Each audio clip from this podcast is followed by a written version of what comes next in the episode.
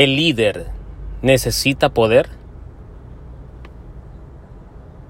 Si es un líder natural que puede ser elegido por voluntad y tener una buena química con sus seguidores, ya ese líder tiene la influencia necesaria para lograr sus objetivos sin buscar otras formas de poder.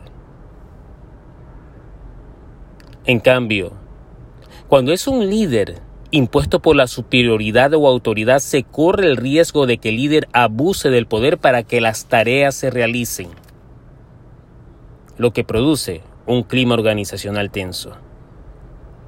También por el poder, el líder puede llegar a corromperse, pero puede evitarlo si sus valores son positivos, como la integridad, transparencia y equidad.